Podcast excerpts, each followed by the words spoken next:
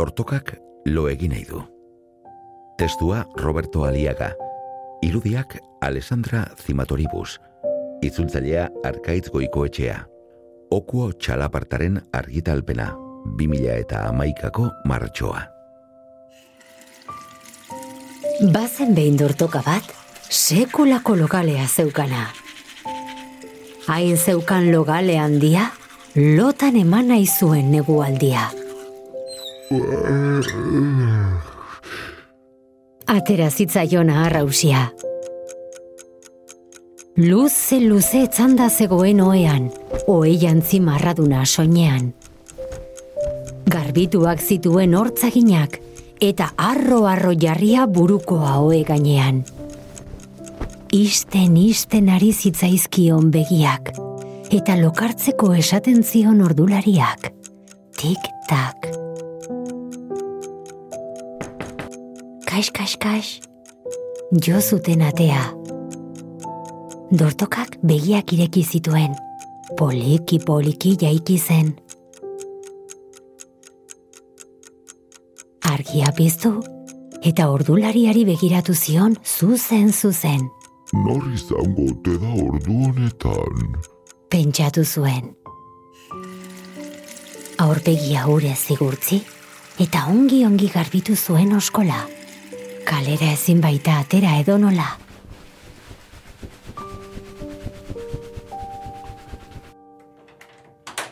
Atea irekia ala, pakete bat ikusi zuen, laxo bat zeukala. Manta more urdin bat zekarren zorroak, eta paper batean hitz ederrak eta asmo ederragoak. Negu, ono nao padizu, zure lagun pirripioak. Zeinen jatorra, zeinen atxegina. Pentsatu zuen dortokak, arro-arro egina.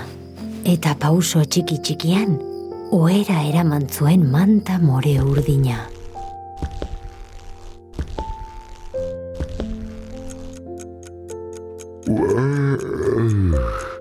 Atera zitzaion berri zahar hausia. Hain zuen logale handia, lotan eman nahi zuen negualdia. Luze-luze jarri zen berri zoean, oei jantzi marraduna soinean garbituak zituen hortzaginak eta arro-arro jarria buruko haue gainean. Goxo bildu zuen gorputza manta more urdinean. Isten isten ari zitzaizkion begiak eta lokartzeko esaten zion ordulariak. Tik-tak. Kax, jo zuten atea.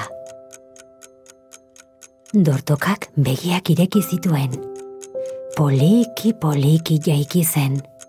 Argia piztu eta ordulariari begiratu zion zuzen zuzen. Nor izango te da ordu honetan? Pentsatu zuen. Aurpegi haure zigurtzi eta ongi ongi garbitu zuen oskola. Kalera ezin baita atera edonola. Atea irekia ala, hantxe ikusi zuen udare pastela. Eta paper batean honako hitz sortak. Negu, nau padizu zure lagun marmotak. Zeinen jatorra, zeinen atxegina. Pentsatu zuen dortokak arro-arro egina.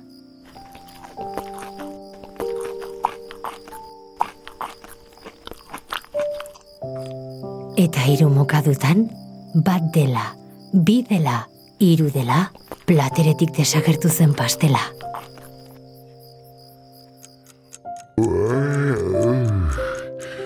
Atera zitzaion berri zaharra usia. Hain zeukan logale handia, lotan eman zuen negualdia. Luze luze jarri zen berri zoean, oei jantzi marraduna soinean. Garbituak zituen hortzaginak, eta arro-arro jarria buruko haue gainean.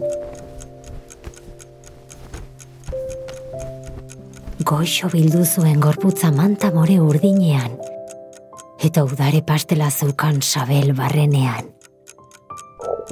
Isten isten ari zitzaizkion begiak, eta lokartzeko esaten zion ordulariak. Tik, tak. Kas, kas, kas. Jo zuten atea. Dortokak begiak ireki zituen, poliki poliki jaiki zen.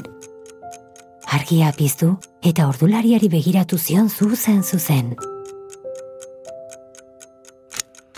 Nor izango ote da ordu honetan? Pentsatu zuen.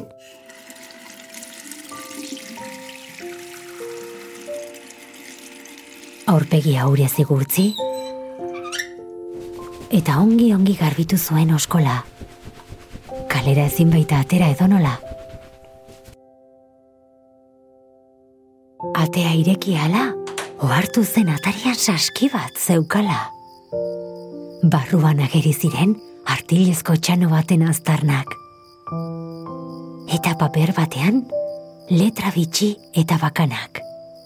Negu onona opa dizu, zure lagun armi armak.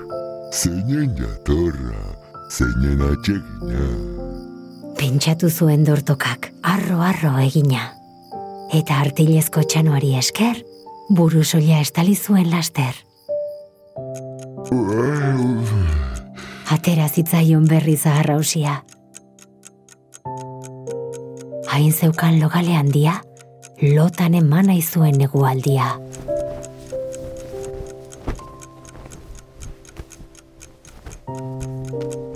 Luze luze jarri zen berri zoean, oei jantzi marraduna soinean. Garbituak zituen hortzaginak, eta arro-arro jarria burukoa oe gainean. Goxo bildu zuen gorputza manta more urdinean, udare pastela zeukan sabel barrenean, eta artilezko txanoa buru soilean. Isten, isten ari zitzaizkion begiak, eta lokartzeko esaten zion ordulariak. Tik-tak. Kas, kas, kas. Jo zuten atea. Dortokak begiak ireki zituen.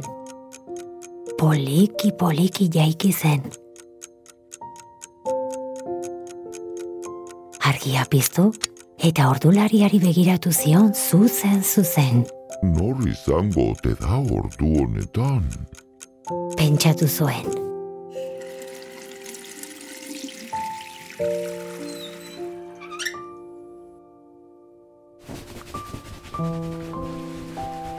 Aurpegi aurria zigurtzi, eta ongi ongi garbitu zuen oskola.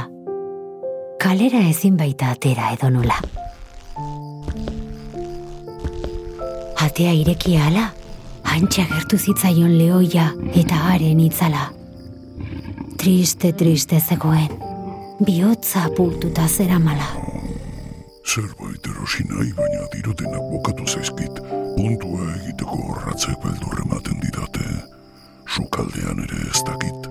Esadazu dortoka zer egin nezakeen. Pentsatu eta pentsatu aritu zen dortoka laguna. Eta azkenean, eman zion erantzuna. Arion bat egin nahi badidazu, isilaldi luze luze bat emadazu.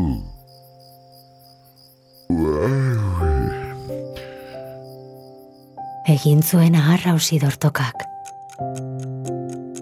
Haien zeukan logale handia, lotan emana izuen negualdia.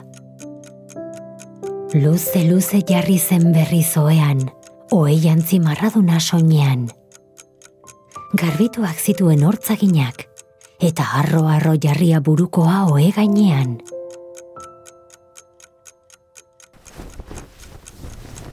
Goxo bildu zuen gorputza manta more urdinean. Udare pastela zeukan sabel barrenean. Eta artilezko txanoa buru soilean. Isten isten ari zitzaizkion begiak, eta lokartzeko esaten zion ordulariak. Tik, tak, tik, tak.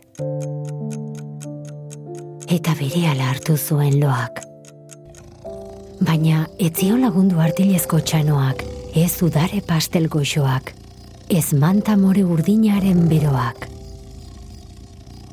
Leoia jarri zen sarreran, eta zaindari onaren eran, aizeari ere etzion baimenik eman, ara eta ona ibiltze din negan.